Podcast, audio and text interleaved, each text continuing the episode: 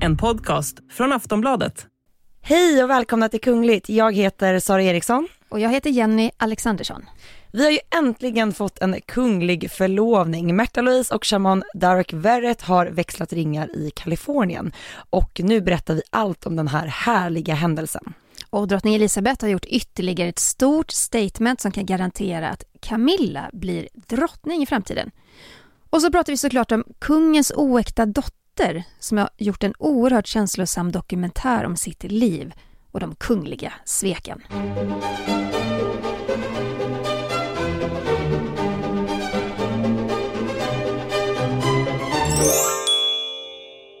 Ja men äntligen har det hänt Sara. Ja, norska prinsessan Märta Louise och hennes pojkvän Derek Verrett har förlovat sig och eh, de bytte ju ringar i Los Angeles och det var shamanen som tog initiativet och friade till Märta Louise. Och Märtha Märta Louise hon har ju berättat ganska så många detaljer om den här förlovningen till tidningen People. Mm. Eh, Derek han hade gjort upp planer för hur det skulle gå till sedan flera månader tillbaka och prinsessan säger att hon hade inte en aning om att det var just då som det skulle ske, även om de såklart hade pratat om det här. Men shamanen var tydligen väldigt nervös och eh, han säger också i den här intervjun att han, han hade så otroligt många känslor inombords. Eh, mest stress och rädsla eftersom han ville att allt skulle bli perfekt för Märta Louise. Och när den här förlovningen då skedde så stod de under ett stort träd ute på landsbygden och runt omkring dem så betade hästar. Eh, det här var ju då vid en hästgård i San Juan Capistrano i Kalifornien. Och eh, shamanen gick då ner på knä och ställde den här frågan. Och Märta Lysson säger då att det var väldigt speciellt för henne och hon säger så här. Mina känslor för naturen och hästar ligger mig väldigt varmt om hjärtat. Jag kände sån stor respekt för hur han hade gjort det här ögonblicket så speciellt och heligt för oss två. Jag kunde inte sluta gråta. Hon säger då också att hon var i chock och upplevde en stor känslostorm som gjorde henne helt skakig. Och det är väl så här det ska vara vid en förlovning, tänker jag. Jag har hört talas om det. jag har också hört talas om det. Men jag tror att det är absolut så här det ska kännas. Jag tyckte också, alla vi vet ju hur mycket hästarna betyder för Märta Louise i hennes liv, så ja. det var väl fint att de fick med dem på ett hörn i det här frieriet. Ja men verkligen, och hon sa så här också. Det var så rörande och underbart att den man som jag älskar mer än något annat i världen gick ner på knä och frågade om jag vill gifta mig med honom. Alltså, vi, måste, vi måste ju prata också såklart, jag menar ringen. Ringen ja. Den måste vi ja. prata om. Eh, ringen är så kvadratformad, en smaragd på 3,5 karat och den är då omringad av 12 stycken mindre diamanter. Eh, tre på vardera sida om den här smaragden och de representerar prinsessans tre döttrar. Eh, och det är ju shamanen själv som har varit med och designat den här förlovningsringen och det är tydligen ett projekt som ska ha tagit cirka ett halvår. Den är ju maffig. Alltså man har fått se jättemycket bilder på den på parets olika Instagramkonton och sådär. Eh, den, är, den är stor, den känns väldigt kunglig får man ändå säga. Mm. Det är mycket glitter och den här smaragden är ju stor, det är ingen liten sten. Den känns väldigt drömmig, ja. jag. jag skulle kanske inte vilja ta en sån själv, men, eh, men för Märta Louise tänker jag verkligen att det, det passar. Det passar bra. Men i samband med förlovningen, vi får inte veta var och när det här bröllopet eh, ska ska äga rum. De delar inga sådana detaljer. Eh, det här håller ju då paret för sig själva än så länge. Mm. Men eh, norska kungafamiljen, de sände ju över sin kärlek naturligtvis till Kalifornien. De, eh, norska hovet skickade ut ett pressmeddelande och kungaparet då eh, sände sina varmaste gratulationer till prinsessa Märta Louise och Derek Verrett och de önskar paret all lycka i framtiden. Mm. Och så här sa shamanen och Märta Louise om sitt förhållande på sitt Instagramkonto för ett par dagar sedan. Eh, Märta då berättar om eh, att hon tyckte om shamanen sedan första mötet. Somebody asked uh, what I thought of Derek uh, when I met you. Yeah. And, and um, so the first thing that happened when I walked through the door at his house when we were having this lunch for an hour. Um, uh, I walked in and I, I looked at him and I was like, "I've met you before. So it felt like already I, I, you know, that I was just meeting an old friend that I had forgotten I had. And that's the first thing I said to him. "I've met you already. Uh, and he said, yes, we were destined to meet way before we were born. And I was like, oh, Lord. Okay, so that statement, I don't remember saying, but she does claim that I said it, and I believe her more than I believe myself. So um, when I was young, I was about 14 years old. My mom, who's also Norwegian, told me that she did some runic reading with the elders and she checked in with the elders of Valhall. And I was going skateboarding with my buddies. And so we're going skateboarding and I'm getting, you know, and she's like, okay, I need to talk to you. It's really important. I got this message from the elders. You need to listen to this message. It's really important. So I'm like, okay, mom, I'm going skating with my friends. What's the message? Cause you know, my mom's always has these long, very long winded messages. And she's like, oh, in the future, she's like, you can date whoever you want to date, but the elders have decided you're going to end up with the princess of Norway. I was like, what is she talking about? And how am I going to meet the princess of Norway at McDonald's? At like, you know, where am I going to meet her at the mall? You know, like, how is it even possible? You know, like that just, it just, it, it just, it was like, I thought, oh, it's one of my mom's, you know, uh, one of her visions or whatever. I just didn't believe it. You know, I was just, it was too far fetched. It was too big. It was too, at the time I was a kid. I don't thinking about getting married anyway. Det är så roligt, vi har ju hört lite av det, av det här tidigare, deras första möte, det, det som var en lunch tillsammans då, och så vidare. Um, men det ska ju ha varit så, som hon berättar, att Märta utbrast att dig har jag träffat tidigare, att de har känt en sån samhörighet då, att eh, de har levt ett liv tillsammans tidigare. Um, shamanens mamma då hade förutsett att han skulle gifta sig med en norsk prinsessa eh, för länge, länge sedan. Mm. Men vi måste prata lite så här, för ett bröllop kommer det ju förmodligen att bli i och med att de nu är förlovade. Man undrar ju verkligen så här, vad, hur, hur det kommer att bli. Nej, men jag kan ju se det här framför mig, Sara. Eh, ingen av oss känner ju Märta Louise privat, men vi känner ju henne alltså, genom den bild som hon gett av sig själv via sociala medier och intervjuer i, i press och sådär. Hon, är ju, hon har också varit här på Aftonbladet och, och hälsat på och varit med i TV. Eh, jag skulle nog kunna gissa att det blir lite så här hippie-bohemiskt, eh, väldigt så mycket färg, väldigt mycket gäster som så här kanske tjoar och kimmar under vigseln. Att det, jag menar, man har ju sett också på Dareks vänner att det är ju en väldigt färgstark skara människor. Många av dem är ju väldigt inne i det här med meditation och healing och, och de är spirituella och de liksom, ja men du vet, de är väldigt fria liksom i sitt sätt att, att vara. Så jag kan ju se det framför mig, väldigt mycket så här, tyger som hänger ner kanske från träden eller någonting. Är det min fördom det här bara? Nej men jag är helt inne på ditt spår. Jag tror att det är liksom, det kommer nog vara väldigt så här annorlunda mot om man tänker sig ett, ett vanligt kungligt bröllop där allting är ganska, går i vita toner, det är inte så mycket så här färgglatt, alltså det, det är ganska så här inramat. Inramat, ganska så här förutsägbart hur det kommer att se ut. Ja. Jag tror vi kommer få se någonting helt annat här, Definitivt. till det positiva och väldigt härligt. Det känns som det kommer mycket så här sprudlande energi. Ja. Um, Shamanen har väl sagt i en podd att han uh, kommer att ha så här cowboy boots på bröllopet. Ja, nej men grejen är så här att de hade en så här frågestund på shamanens Instagramkonto och då säger han då att han kommer ha cowboy boots på bröllopet. Och man kan se på Märta att hon lite grann så här bara och så säger hon no, och så skrattar hon. Eh, så säger hon lite tyst så här, det är fint alla andra dagar men inte den här dagen. Och grejen är att han hade ju på deras första dejt, den här lunchen, så berättar han då att han hade på sig en sån här Metallica t-shirt, lite så här sliten Metallica t-shirt, en maffig kimono och cowboyboots och att han hade valt de kläderna för att han verkligen skulle visa Märta Louise att det här är vad du får, det du ser är vad du får om du inte accepterar mig så här, ja men då, då är det som det är liksom. Men han skulle ju då också ha blivit väldigt glad när, för jag menar, han, han skulle gå på en lunch med en prinsessa, han visste ju inte vad han skulle förvänta sig, om hon skulle dyka upp i så balklänning och diadem eller någonting mm. annat. Och då har han sagt att han blev så glad när hon dök upp i så här, eh, en kjol och gympaskor, att hon också var väldigt ja. så här avslappnad och inte alls kanske vad han hade tänkt sig så här, typisk bild man har av en prinsessa. Men tänker inte du också så här Sara, att det var ju så otroligt mycket kritik mot Derek Verrett i början just för att han, eh, han säger att han är shaman, han säger att han kan hila människor och sådär. Den biten finns ju kvar. Men jag tror faktiskt att de har lyckats ändra den här mediebilden av dem som par. För i början var han väldigt så aggressiv, han attackerade den norska pressen och sa massa hemska grejer. Och också det här med hans bok som han gav ut att han gav skulden till barn som blir sjuka i cancer, att det är deras eget fel för att de är olyckliga. Den förbjöds ju också i både Sverige och Norge tror jag. Ja, så, så pressen var ju väldigt negativ och man, man såg honom också lite grann som en så här lycksökare. Vad, vad är hans intentioner med, med Norges prinsessa? Förlåt.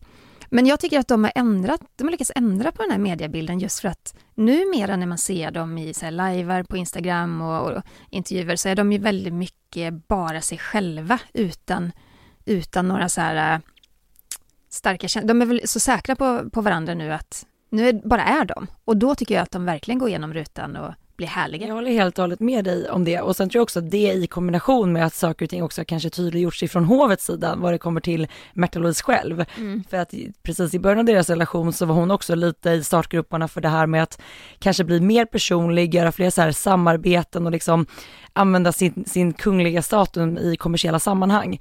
Där satte man ju ner foten ifrån kungahusets eh, sida, eh, eh, kronprins Håkon och hennes pappa då, kungen fick ju verkligen så här tydliggöra att så här, du kan inte använda din kungliga status mm. i de här sammanhangen och då startade ju också Märta Louise det här med, alltså hon har ju ett kungligt konto och sen har hon ju ett privat konto. Mm. Och där tror jag också det kanske blev tydligare för dem själva hur de skulle kommunicera sitt privatliv och sin kärlek på ett sätt och sen med de här kungliga uppdragen eller de kungliga sammanhangen på ett sätt. Alltså kanske också det som har underlättat. En, en trygghet är att veta hur man ska göra. Ja, det Men det jag. slår mig gång på gång på gång och det här tycker jag inte är positivt. Eh, och det är väldigt svårt och eh, det, det, det, är en fin balansgång där liksom. För det slår mig hela tiden då att de beter sig som influencers. Och, och det blir väldigt speciellt då i Märta Louise fall som ändå har en prinsesstitel. Den här förlovningsringen då, den är ju såklart sponsrad. Och eh, de nämner då den här designen, de taggar den här designen, hon heter Joyce Sangalang Smith och har något, eh, jag tror att hennes företag heter Off Communion eller något sånt där. Och den nämns då många gånger i intervjun med People och den nämns nästan ännu fler gånger då på sociala medier. Och det här är ju någonting som, som Märta har gjort länge. Och som du sa då Sara, att det har ju lett till att hon inte får använda sin prinsesstitel i kommersiella sammanhang. Eh, men hon slår ju mynt ändå av sin kungliga status för hon kan aldrig bli en icke-prinsessa. Alltså hon, det, hon, det här är ju vad hon är. Och när hon då liksom taggar ja, men klädföretag, smyckesföretag så här, då går hon över gränsen till att bli en influencer mer än vad hon är eh, en kunglighet. En kunglighet. Mm. Mm. Det är lite problematiskt ändå. Men det är intressant, då ser vi redan den här eh, samarbetskänslan eh, redan i förlovningen. Då kan ja. man bara tänka sig hur sponsrat deras bröllop kommer att vara. Det kommer nog vara många samarbetspartners inblandade i liksom såväl tårta som blommor och ballonger och allt vad det kan vara. Eh, det tror jag nog att vi kommer se mycket av vid deras bröllop. Det blir liksom en devalvering av hennes kungliga status tycker jag. Mm. Det, det blir konstigt. Eller är jag gammaldags? Nej, du är inte gammaldags. Eh, däremot, det är väl så här, det är väl den utmaningen jag tror att många så här kungahus kommer att stå inför. Nu är Märta Louise liksom tillhör ändå lite den så här äldre generationen kungligheter om vi jämför med Estelle och Oscar mm. och, alla kusiner. Eh, men det är ju det här det kommer att bli när man till exempel som i Sverige har kapat grenar inom kungahuset. Eh, till exempel prins Carl Philip och prinsessa Madeleines barn kommer ju att ses som privatpersoner, eh, kommer att kunna få jobba med nästan till vad de vill.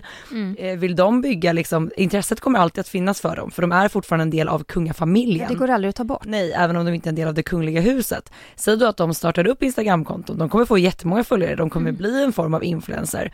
Och där tror jag verkligen, det är ju en så här ny mark man möter nu. Mm. Eh, som man måste liksom börja på reda ut så här, vad som gäller. Tittar man i Danmark har vi liksom prins Nikolaj och hans bror Felix som så här, de är modeller. Det är också så här något kommersiellt, de liksom helt plötsligt så promotar kung, kungligheten, Prinsar, liksom ja. prinsen, ett modeföretag som också blir så här ett ja. jättestarkt PR-värde. Så att det är ju någonting nytt. Det är komplicerat. Och, och det är komplicerat och man har nog inte riktigt så här vet nog inte riktigt själva hur man ska hantera det. För Nej. samtidigt är de privatpersoner och ska kunna få göra det här. Men... Och också tjäna egna pengar. Ja. Men det, är en, det är en hårfin linje. Det blir jätteintressant att följa det där med tiden också. Ja. Men, men jag reagerar ju ganska mycket på Märta Louise taggningar av olika företag och, och sådär. Eh, jag tycker inte det känns helt hundra, men eh, vi får se.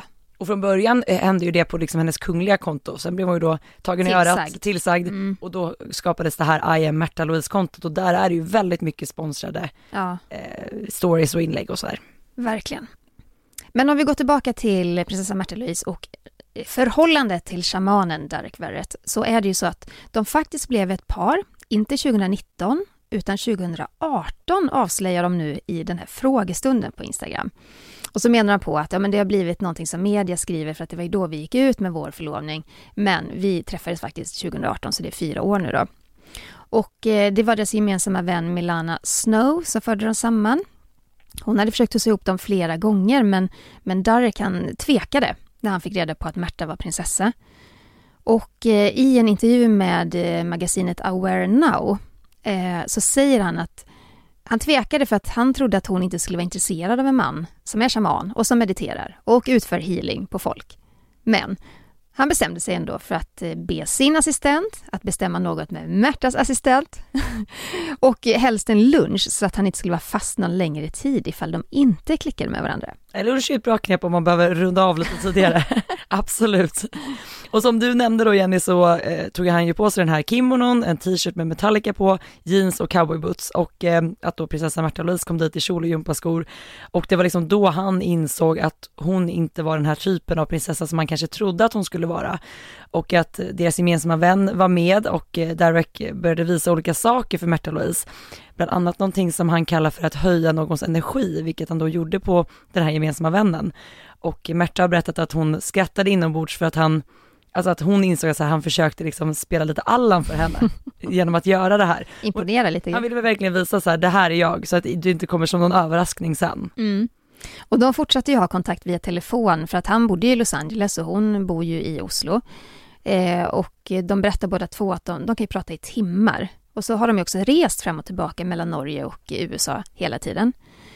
Och nu är de förlovade.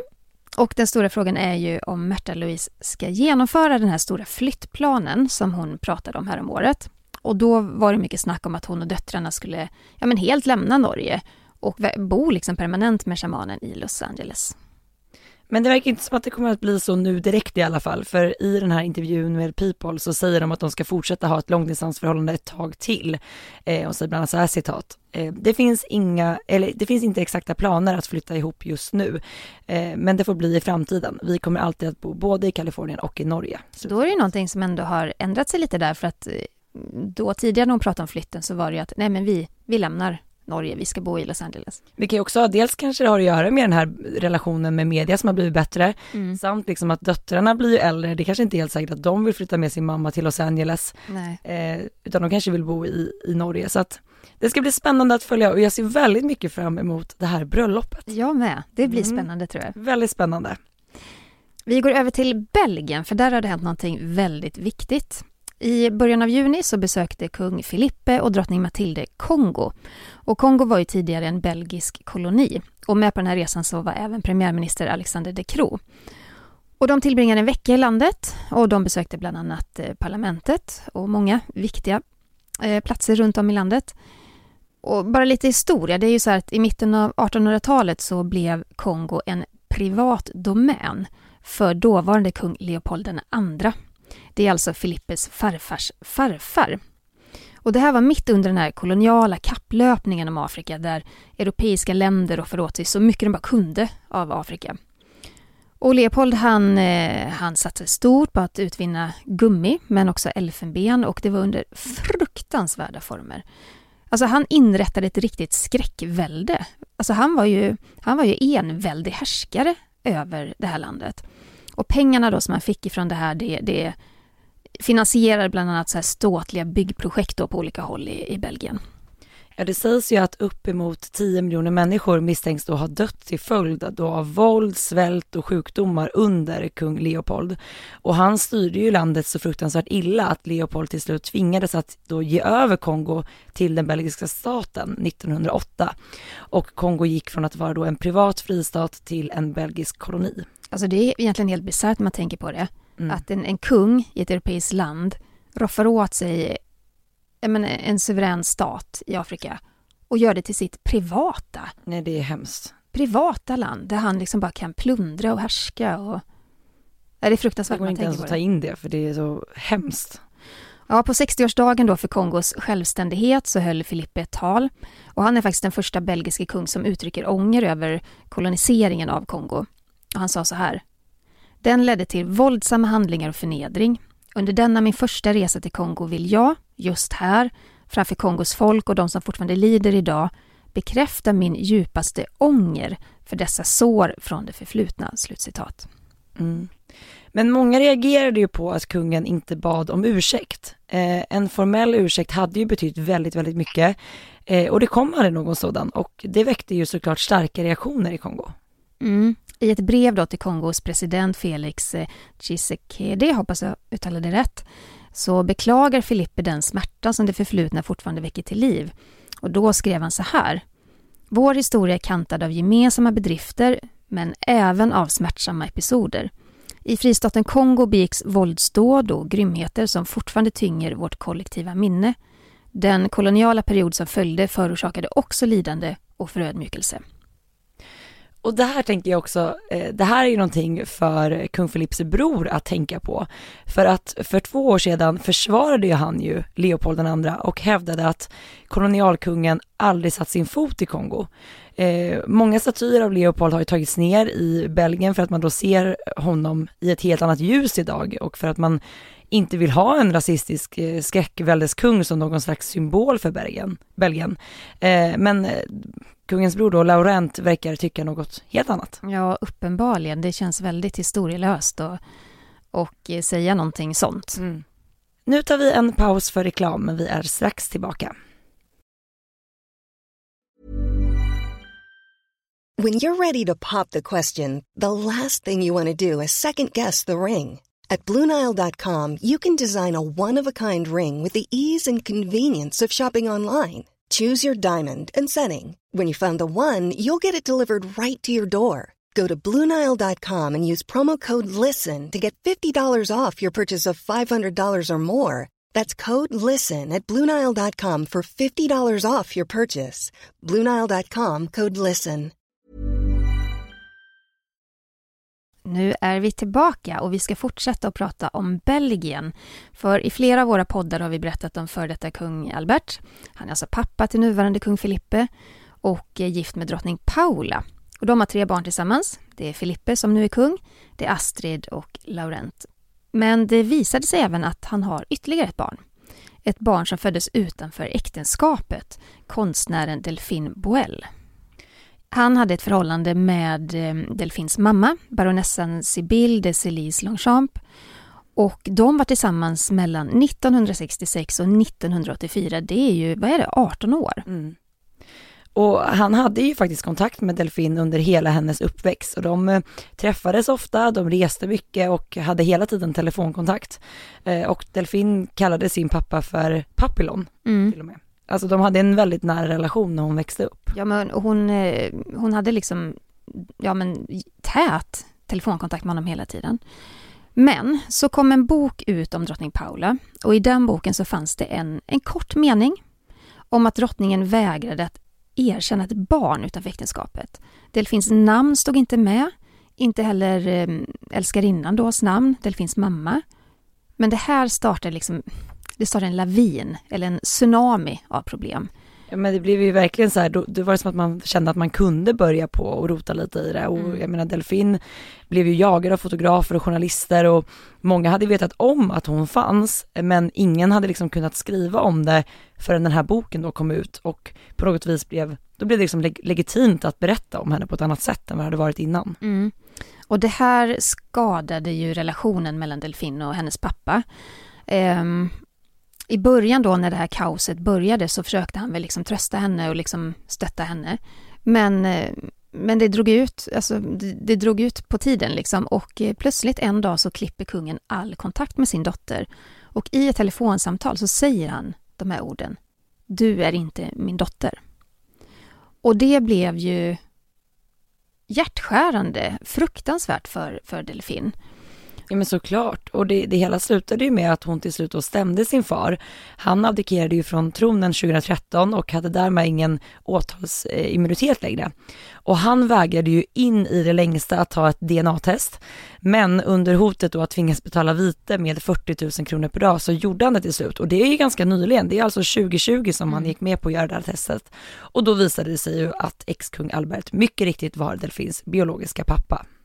Och det slu- jag kommer ihåg den här storyn för att det är också så att det skickades ut ett pressmeddelande ifrån hovets sida. Han hade hela tiden förnekat eh, att han var far till henne. Men när det då var bevisat så stod det någonting i det här pressmeddelandet som att eh, Ja men att eh, hon är hans biologiska dotter men att han aldrig haft någon del i hennes uppväxt eller hennes utbildning eller ansvar eller någonting. Och det tog ju jättehårt på Delfin. Därför att det hade han ju visst. Mm. Han hade ju funnits där. De hade ju haft en bra kontakt fram tills här, den här boken gavs ut. Ja, och då så beslutade sig Delfin för att stämma kungen. Mm. Då var ju han privatperson i och med att han hade abdikerat. Eh, hon ville ha samma villkor som hans andra tre barn. Hon ville, hon ville liksom få en legitimitet, en, ja, en legitimitet kring att eh, ja, men vara på samma nivå som dem. Hon ville ha en kunglig titel och kunna bära hans efternamn. Och så är det. Hon är numera prinsessa av Belgien. Och likaså hennes två barn har kungliga titlar.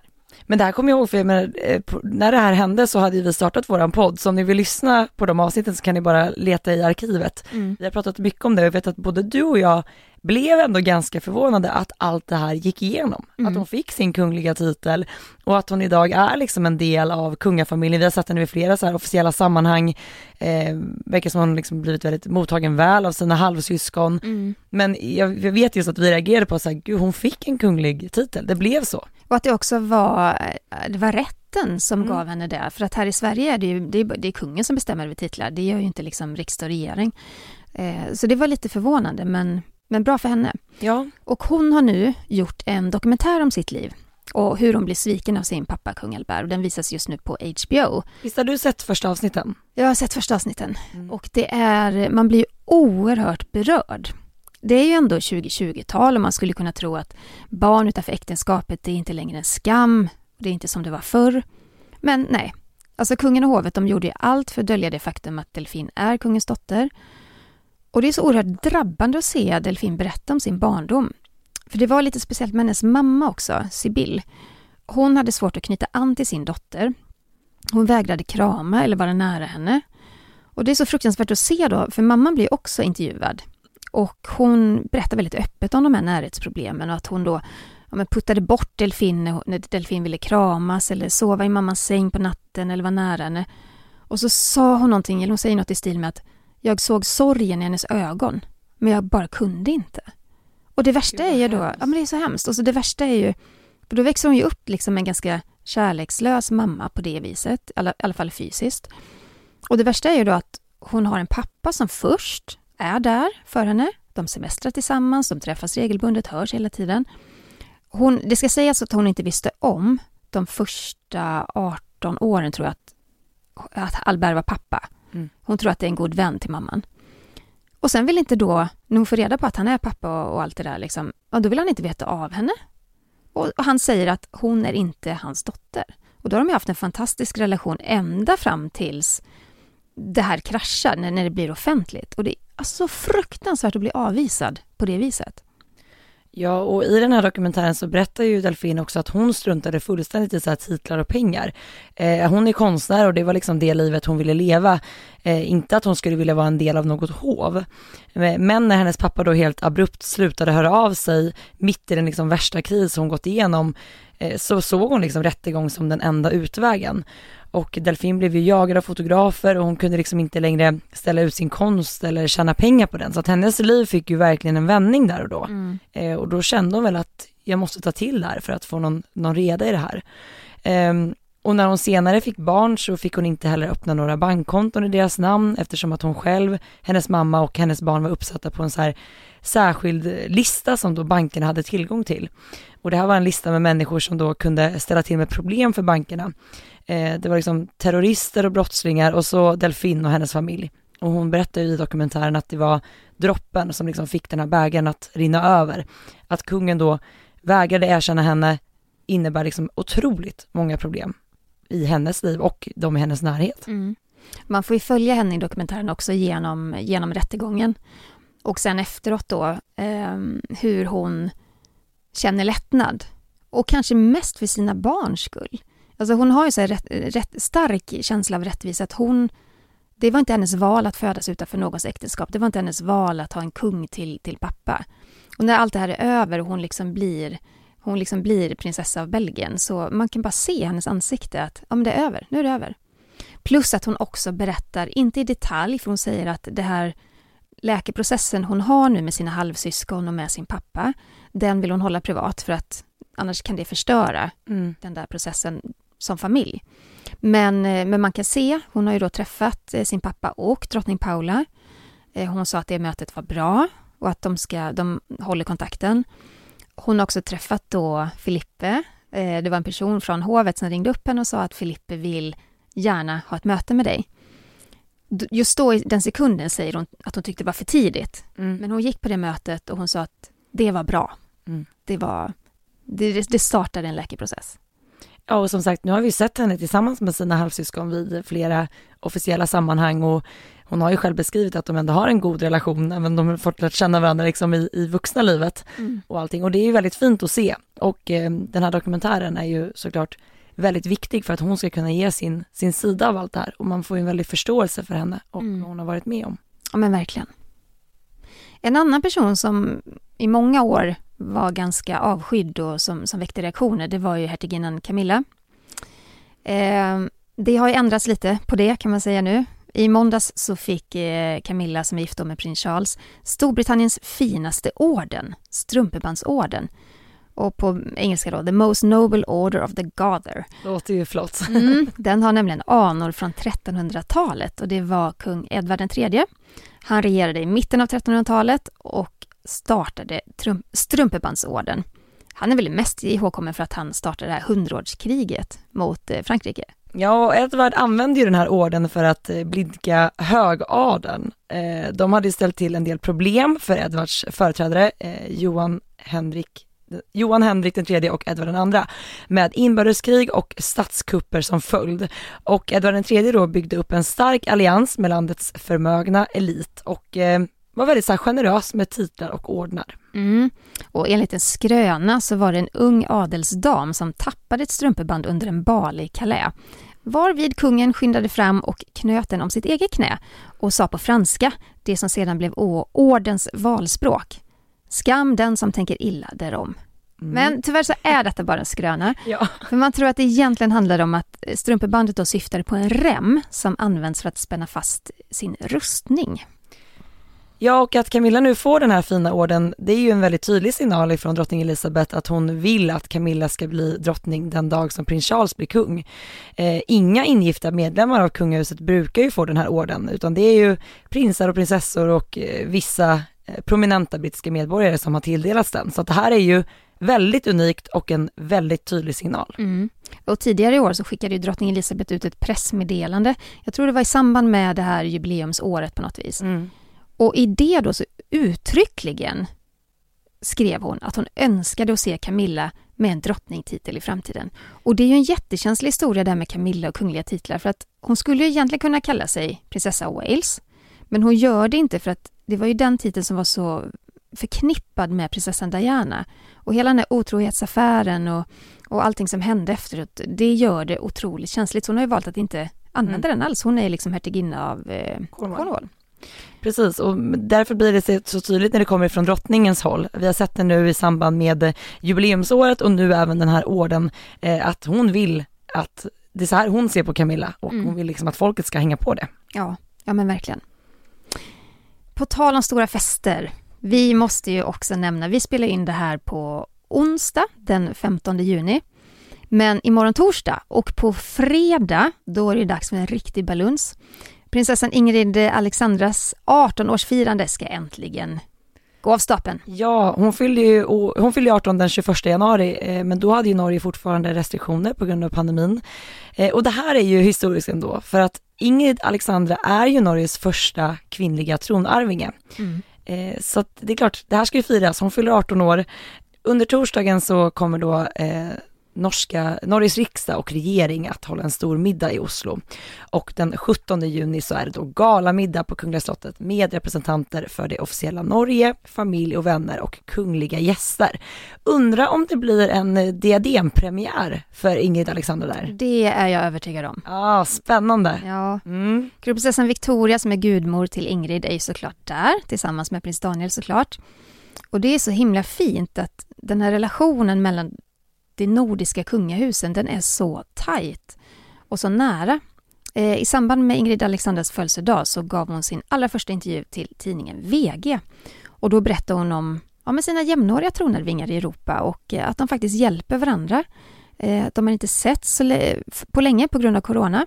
Men i vanliga fall så, så har de en tät kontakt. Hon kanske mest har kontakt med svenska och danska kungafamiljerna, sa hon.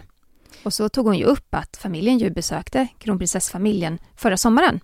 Och de var på Gotland. Ja, Precis, men det är bara att titta på, på liksom kronprinsessan Victoria, kronprins Håkon och eh, kronprins, kronprins Fredrik. De har ju verkligen varit ett stöd för varandra eh, hela, hela sitt liv och uppväxt. Så att det är klart att även Ingrid Alexandra kommer att ha väldigt stor hjälp och bli väldigt goda vänner med, med sina liksom, närmsta kungliga kollegor. Mm. Så att, Victoria har ju faktiskt sagt att hon betraktar Fredrik och Håkon lite grann som sina bröder. Så det är, det är ett skönt stöd att ha. Men vilka, vilka mm, kvinnliga tronföljare har vi i Europa nu? Vi har ju Ingrid Alexandra som fyller 18, eller har fyllt 18. Precis, eh, sen har vi ju prinsessan Katarina Amalia, hon har också fyllt 18. Eh, vi har prinsessan Elisabeth, 18 år och sen Estelle har ju några år kvar. Hon är är 10 10. år nu. Men Mm. jag tänker ändå när man blir äldre så brukar här med ålder liksom synkas ihop lite bättre. Så de Ja. kommer nog stå varandra nära allihopa. Och så har vi prins Christian som då är 16, som är blivande kung av Danmark. Ja. Ja men det är kul nu att de här kungliga festerna är igång igen efter pandemin och apropå fest och firande Eh, inte nog med att drottning Elizabeth firade, eller firar under hela året 70 år på tronen med det här storslagna platinajubileumet. Vi var på plats i London för två veckor sedan när liksom kulmen av det hela gick av stapeln. Nu har hon ju dessutom slagit ett ytterligare rekord faktiskt, som Mhm. är verkligen värt att fira. Ja, 2015 så blev hon ju den monark som regerat längst i Storbritannien. För då slog hon drottning Victorias rekord på 64 år. Men den 13 juni så slog hon Thailands ex-kung Bhumibol när drottningen då hade regerat i 70 år och 127 dagar. Och nu är det faktiskt bara Ludvig den 14 av Frankrike, Solkungen kallad, som regerat längre än drottning Elizabeth. Han satt på tronen i 72 år och 110 dagar. Men dock ska ju sägas att han blev ju kung som fyraåring eh, och eh, på så sätt är ju faktiskt drottning Elizabeth den längst aktivt, vad ska man säga, eh, Mhm. regerande drottningen i världen. Men jag satt och räknade lite igår vad vi har för datum och det dröjer till den 27 maj 2024, då slår drottningen alla rekord även på pappret. Men vi kan väl hålla tummarna för att hon får uppleva det. Ja, och jag tycker också att vi kan konstatera här och nu att drottningen även har slagit ett annat rekord när det kommer till storslaget firande som vi fick uppleva i London. Det var någonting utöver det vanliga. Mm. Det är lite kul där med drottning Elizabeth eh, och hennes smeknamn, för hon har ju kallats för Lilibet av familjen hela tiden. Det var sedan hon var liten. Eh, hon hade ju svårt att uttala sitt namn och så, så, så blev det Lilibet istället och det har ju följt henne hela livet. Vi har också sett att hon skrivit under flera privata brev, eller personliga brev med Lilibet, bland annat ett som hon skickade till sin farmor. Ja, och för ett år sedan så föddes ju Harry och Meghans dotter och paret valde ju då att döpa henne till Lilibet efter drottning Elizabeth. Och det var ju väldigt många som liksom reagerade på det här namnvalet eftersom att det är drottningens smeknamn och någonting som endast används inom familjen. Men så blev det. Mm. Men nu så sägs det att drottningen har slutat att använda sitt smeknamn. Eh, och det är ju efter att prins Philip somnade in den 9 april 2021. För han var den sista personen i familjen som, ja, men som aktivt använde Lilibet när han tilltalade sin hustru. Och på den handskrivna hälsningen som placerades på prins Philips kista vid begravningen, då hade drottningen signerat med Lilibet. Det var väldigt fint och väldigt rörande. Mm.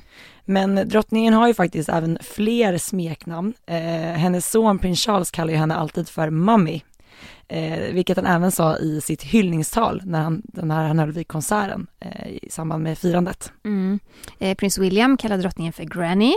Det är väl ganska vanligt så här, ja men mormor liksom. Men drottningens barnbarnsbarn, prins George och prinsessan Charlotte, de kallar henne för Gangan. Snyggt. Ja. Men- och vi, vi måste stanna kvar här vid firandet lite grann för att det, det har hänt så mycket efteråt. Ehm, jag vet inte om ni har sett de här bilderna på eh, prins Louis. Det är ju prins William och Kates yngsta son, men han bjöd ju på en riktig show under firandet och paraden. Alltså både du och jag har lagt upp det på våra Instagramkonton, man kan se rörliga bilder på Men när... det har ju blivit viralt. Alltså Ja, det är klipp på honom över hela Instagram och det är så många som har skrivit om det här. Han satt ju tillsammans med sin familj på den här läktaren eh, och tog del av paraden när den passerade då Buckingham Palace. Han är ju fyra år, eh, mycket springer benen och han sprang väldigt mycket så här fram och tillbaka, bland annat då till farfar eh, prins Charles. Han dansade, han hade ett minspel och det har verkligen blivit så här, han bjöd på en show, det blev verkligen viralt. Ja men när Kate då skulle säga till honom eller i alla fall liksom fånga hans uppmärksamhet. Ja, men då räckte han lång näsa till henne flera gånger och han liksom så här la handen på hennes mun som tyst mamma det var så kul också för att hans eh, syster då, prinsessan Charlotte, satt ju bredvid och så här väldigt lugnt och stillsamt och prins Louis liksom kastade upp sina fötter i hennes knä och så här knäppte händerna bakom huvudet och la sig ner för att chilla och man ser hur, hur Charlotte bara stopp, sluta puttade ner fötterna så att han hade väldigt mycket energi. Mm. Men prinsens bus har ju mött, eh, mötts av kritik. Och det här är ju så konstigt. Men det är så många som har mom-shamat Kate. Liksom sagt att hon är en dålig mamma, att hon inte kan hålla ordning på sina barn. Ja, det har varit så mycket fula saker man har skrivit. Det är så, varför, varför finns alltid de rösterna? Alla föräldrar gör så gott de kan. Jo, men jag har ju ganska nyligen haft en fyraåring. De sitter inte still i två timmar. Det går inte. Jag menar, det här hade kunnat vara min son. Det är också en sån här fas de här barnen går igenom, att de utmanar ju, tänjer på gränserna och de försöker ju pusha hela tiden liksom. Det är ju inget konstigt. Nej, och jag tycker också att det är, det är fint att man liksom tillåter barnen att vara barn. Jag tycker också det påminner lite om till exempel prinsessan Leonor här i Sverige. Hon har ju alltid gjort sin grej och ställt till med show. Eh, och jag tycker att det är bra att de får göra det även i de här liksom, ganska strikta kungliga sammanhangen. Mm. Men det här har ju tagits upp i diverse morgonshower i Storbritannien, på sociala medier, överallt och i pressen och sådär. Men paret de kontrade med en kul hälsning. För efter firandet så publicerade Kate och William en ja, men inlägg på Instagram och så skrev de Vi hade alla ett otroligt firande, speciellt Louis. Och så har de lagt till en, den där emojin med ett par uppspärrade ögon. Ja. Så det finns ju ändå humor där, de verkar ju ta det på rätt sätt i alla fall. Ja, och en annan person som pratat om showen som prins Louis bjöd på är ju Mike Tindall, Han är ju gift med prinsessan Anns dotter Sara. Och han satt precis bakom Louis under den här paraden. Och i sin podcast då, eh, The Good, The Bad and The eh, Rugby, så sa han bland annat så här, citat. Det fanns väldigt mycket godis under firandet så barnen var höga på socker. Och som alla föräldrar vet, du gör det som behöver göras för att få småbarn att sitta still under långa stunder. Och vi, vi lyssnar lite på vad han sa. Yeah, the kids were the stars of the show. Yeah, I mean, uh, Louis was, uh, you know, he's, he's he gets he was just wanting to have fun and yeah. and my two are always mischievous, so it was trying to keep a lid on. There were a lot of sweets out but out back though, so they had oh really complete sugar highs. Yeah, good. Um, it was anything just to. I mean, it's tough. It's tough for them. They're all young. Yeah, Ask yeah. them to sit in there because it's you know, two till five or whatever. Yeah. yeah. It's a long time, so do what you, as any parent know. You just get do whatever needs to be done. Ja, vi kan ju inte prata om firandet utan att eh, nämna Harry och Meghan, så det här är veckans Harry och Meghan.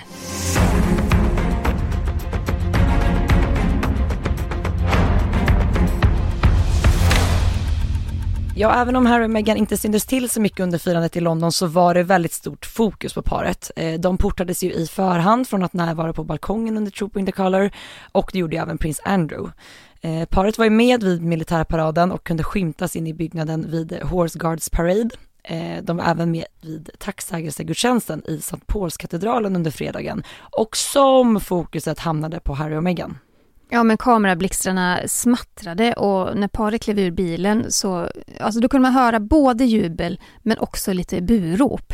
Och när de gick in i kyrkan så placerades de inte vid Charles och William på vänstra sidan, utan istället så sattes de på den högra sidan, eh, på raden, på andra raden och delade då bänkrad med eh, ja, men, eh, Harrys kusiner, prinsessorna Eugene och Beatrice med deras eh, eh, äkta makar. Och framför dem då så satt prins Edward och grevinnan Sophie med familj. Ja, och man såg ju så här, det var väldigt tydligt under det här tillfället då att de pratade ju inte med William och Kate och man såg liksom inte ens att de tittade åt varandras håll. Eh, och Meghan och Harry var också väldigt snabba med att lämna efter ceremonin. Eh, man såg hur de snabbt bytte några ord med eh, Sarah Tindall och hennes man Mike. Eh, men framför allt så tyckte jag att prins Harry såg så himla obekväm ut. Ja, jag tänkte också på det. Men det är inte heller så konstigt efter allting som har hänt sedan de 2020 meddelade att de inte ville vara en del av kungahuset. Den här intervjun med Oprah och vad den ställde till med. Och jag menar, Meghan anklagade ju hovet för att vara känslokallt och kungafamiljen för att vara rasistiskt. Det är ändå, det är ändå stora saker att, att, att anklaga någon för. Eh, jag tror att det det är nog rätt tufft för Harry i det här läget gentemot sin familj. För att jag tänkte också på det att varken Charles eller Camilla kastade liksom en blick åt deras håll överhuvudtaget. Och, och det gjorde inte William och Kate heller. Sen tror jag absolut att bakom kulisserna att det är klart att de samtalar med varandra men eh, hovexperter då som säger att de har insyn i det här menar på att det blev aldrig något personligt möte mellan familjemedlemmarna. Det blev aldrig liksom tid att prata om det som har varit. Man ville nog ha fokus på, på drottningen och firandet. Ja, och apropå då eh, experter som har pratat om detta, eh, hovexperten Katie Nicole har ju sagt att paret nobbade flera av firandets inbjudningar på grund av att de då blev inte blev placerade på första raden utan liksom hänvisade längre bak. Eh, efter den här tacksägelsegudstjänsten under fredagen så syntes inte paret till vid fler evenemang trots att både lördagen och söndagen firades hela dagen i ända. Mm. Men däremot har många medier rapporterat att eh, drottning Elizabeth eh, umgicks lite grann med paret och att det också blev eh, drottning Elizabeths första möte med sitt barnbarnsbarn Lilibet. Eh, sen är det ju så att drottningen hon ställde in flera programpunkter på grund av hälsoskäl. Eh, bland annat hästkapplöpningarna som hon ändå älskar så mycket mm. och den här hyllningskonserten som hon såg då hemifrån Windsor. Och eh, hovexperten och författaren Angela Levin, som hon har spenderat väldigt mycket tid med prins Harry eftersom hon skrivit en biografi om honom. Hon har då sagt att Harry ska ha blivit upprörd över att paret blev ignorerade vid firandet och eh, hon sa bland annat till The Sun att prins Harry blivit arg över hur liksom de ignorerades vid den här tillställningen och att han känner att familjen är skyldiga dem en ursäkt. Ja, det är ju väldigt speciellt i så fall. Det borde ju ske åt båda håll, mm. kan man ju tänka. Mm. Men i alla fall på lördagen då, eh, där på förmiddagen så hade ju Harry och Meghan inte så mycket att göra med det officiella. Eh, då bjöd de in till ettårsfirandet av Lilibet. Och det var en mycket familjär picknick vid Frogmore Cottage. det var ju tänkt att de skulle bo där efter bröllopet men det är numera prinsessa Eugenie och hennes familj som bor där. Det sägs att eh, medlemmar av kungafamiljen var inbjudna men av naturliga skäl, många av dem hade ju fullt upp med firandet av drottningens jubileum så man såg inte några sådana där. Eh, och sen så flög ju Harry och Meghan hem då till Kalifornien. Det var ju samma dag som den stora paraden gick genom London. Det var ju på söndagen. Mm. Och efter då, när firandet liksom hade avrundats så publicerades ett nytaget foto av Lilibet. Och det är ett foto som tagits av Megans vän, tillika fotografen Missan Harriman. Och det var ju även han som publicerade det här vackra porträttet av Meghan när paret väntade barn. Och alltså då precis som tidigare så valde ju Harry och Meghan att kommunicera de här nytagna fotona eller bilderna via då vännens Instagram, eh, där han då skriver en hälsning och han skrev så här, citat, eh, det var ett privilegium att få fira Lilibets ettårsdag med min familj och hennes glädje och ansiktsmålningar, slutcitat. Ja, och på det andra fotot i det här bildspelet som publicerades så ser vi Meghan med Lilibet i famnen och, så, och, och, även då en bild eh, Nej, hon står med Misans fru och deras två barn. Och sen var det väl ytterligare någon bild också som är bara på Misan och hans barn, tror jag, det sista mm. där. Men eh, ja, är sprickan i familjen tydligare än någonsin eller kan det liksom ske något positivt där? Jag vet inte, jag tyckte det var liksom, det var så mycket blandade känslor att se Harry och Meghan på plats och man förstår ju också så här, kanske anledningen till att de inte skulle vara med på balkongen mm. vid Trooper in the Color med tanke på hur fokuset skiftar så fort de syns till mm. på grund av allting som har hänt under de här två åren. Och det vill ju hovet undvika såklart. Ja, eh, jag tycker också det är intressant att se att Harry och Meghan väljer liksom att kommunicera sin, sin lilla, lilla del av det här officiella via vänner. Det har vi mm. sett tidigare också. Eh, och det verkar vara en linje de, de fortsätter att ja, hålla. Men det, det är smart, en smart strategi på det viset att då är det ju inte de som prånglar ut bilder. Eh, då kan de ju alltid liksom hålla upp händerna och bara nej, nej, men det, det är inte vi som lägger upp detta. Det är inte vi som, som vill visa våra barn. För de har ju varit så noga med att vi vill ha ett privatliv, därför flyttar vi till Los Angeles. Eh, vi vill inte vara en del av kungahuset, vi står inte ut med uppmärksamheten. Och då blir det jättekonstigt om de själva skulle börja lägga ut bilder på sina barn. Mm. Så då är det jättesmart att låta vännerna göra det istället. Mm. För då kan de aldrig hamna i den här skottgluggen med anklagelser om att de både vill ha kakan och äta den. Men jag menar det enda som det pratades om och skrevs om efter den här tacksägelsegudstjänsten, det var ju verkligen så här, mm. blev de utbuade eller inte? Alltså det finns det, Harry och Meghan delar konstant upp britterna i två olika läger. Ja. Och det, det slutar aldrig. Om ni vill höra det här buandet eller icke-buandet så lyssna på vår podd från förra veckan för där har vi en ljudfil ifrån när de kliver ur bilen och in i kyrkan. Ja. Men Sara, ska vi runda av den här veckans podd? Det gör vi och försöka njuta lite av eh, den här härliga sommarvärmen. Ja, ja men precis. Vi kommer spela in en podd även nästa vecka, sen tar vi lite sommarsemester. Men följ oss gärna på eh, sociala medier. Var finns du Sara? Man hittar mig på royalistan.se på Instagram och var hittar man dig? Också på Instagram, Kungligt med Jenny. Vill ni skicka in eh, lyssnarfrågor så gör ni det på Kungligt aftonbladet.se. Stort tack för att ni har lyssnat den här veckan. Vi hörs igen nästa vecka. Hej då! Hej då!